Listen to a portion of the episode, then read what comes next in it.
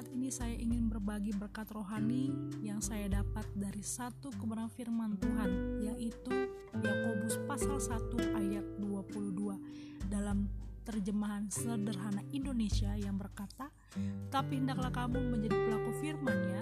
Janganlah kita menipu diri kita sendiri dengan berpikir bagi saya mendengar firman-Nya saja sudah cukup. Guys menurut kalian sendiri nih sulit atau mudahkah be a true disciple?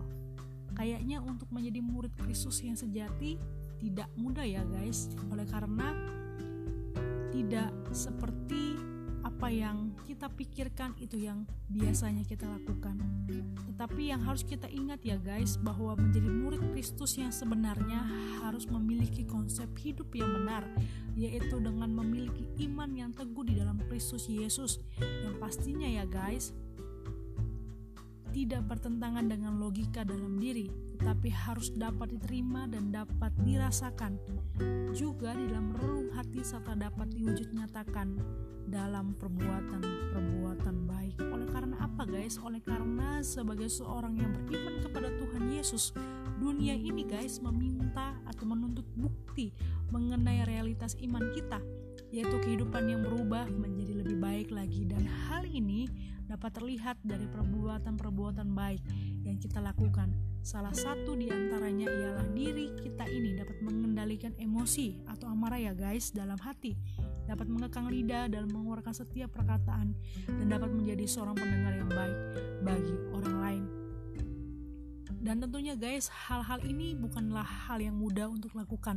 Bagaimana bisa mengendalikan emosi dengan baik, bagaimana bisa mengekang setiap perkataan yang keluar dari mulut ini dan bagaimana kita sendiri menjadi seorang pendengar yang baik dan biasanya nih guys ya kecenderungan orang yaitu lebih suka berbicara daripada lebih suka mendengarkan tapi sebagai seorang murid Kristus yang sejati be a true disciple kita harus bisa melakukan ketiga hal ini yaitu mengendalikan emosi yaitu mengekang setiap perkataan yang keluar dan yang pastinya menjadi seorang pendengar yang baik. Dan oleh karena itu guys, ada tiga refleksi yang akan saya sharingkan yaitu untuk bisa be a true disciple yaitu kita harus memiliki kemauan untuk membuang segala sesuatu yang kotor dan kejahatan yang begitu banyak. Kotor di sini ya guys yaitu yang pastinya berbicara tentang hasrat, hasrat, kemauan, keinginan, tujuan hidup yang berorientasi kepada pemuasan diri sendiri dan ini pastinya ada di dalam pikiran yaitu segala sesuatu yang bobrok yang najis dan berdosa yaitu yang berhubungan dengan nafsu dunia keinginan daging kecemaran dunia lalu kejahatan itu berbicara tentang apa ya berbicara tentang kebiasaan-kebiasaan buruk lalu hati yang penuh iri, dendam, pahit, dan jahat kepada orang lain, mulut yang terbiasa mengucapkan kata-kata yang sia-sia, kata maki, kata hujat, dan kata kutuk. Ingat ya guys, itu tidak boleh kita lakukan dan itu harus kita buang. Yang kedua guys, untuk bisa be a true disciple yaitu kita harus memiliki hati yang lembut dan kerendahan hati untuk menerima firman, menyelidiki serta memperhatikan dengan seksama yaitu guys memakai akal budi, logika, batin, firman yang telah kita terima.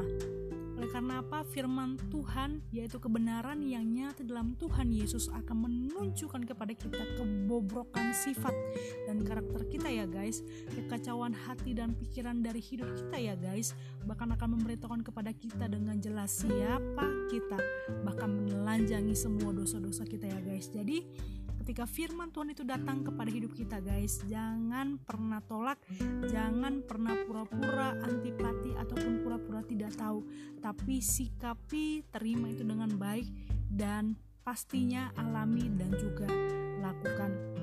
Dan refleksi yang ketiga guys untuk bisa be a true disciple menjadi murid Yesus yang sejati yaitu kita harus bertekad dan bertekun untuk melakukan firman yang telah kita terima Seorang teolog berkata harus ada pengalaman di dalam batin dengan merenung dan pengalaman dalam bentuk perbuatan yang bisa dilihat apabila kita memang sungguh-sungguh mau taat kepada firman. Itu itulah sebabnya ya guys, setiap orang sangat dimungkinkan untuk dapat melakukan firman Tuhan di dalam kehidupannya sehari-hari.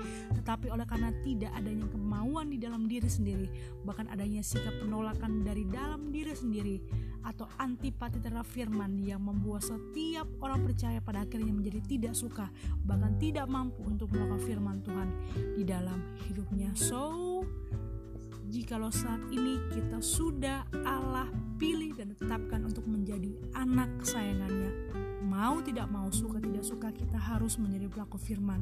Oleh karena ketika kita menjadi pelaku firman Tuhan itulah yang merupakan identitas atau ciri khas kita sebagai anak Tuhan yaitu kita bisa menjadi berkat bagi banyak orang secara khusus di dalam mengendalikan emosi di dalam mengekam perkataan dan juga menjadi seorang pendengar yang biarlah semua yang boleh saya sharingkan, boleh memberkati semua yang mendengarkan. Solideo Gloria, Tuhan Yesus memberkati.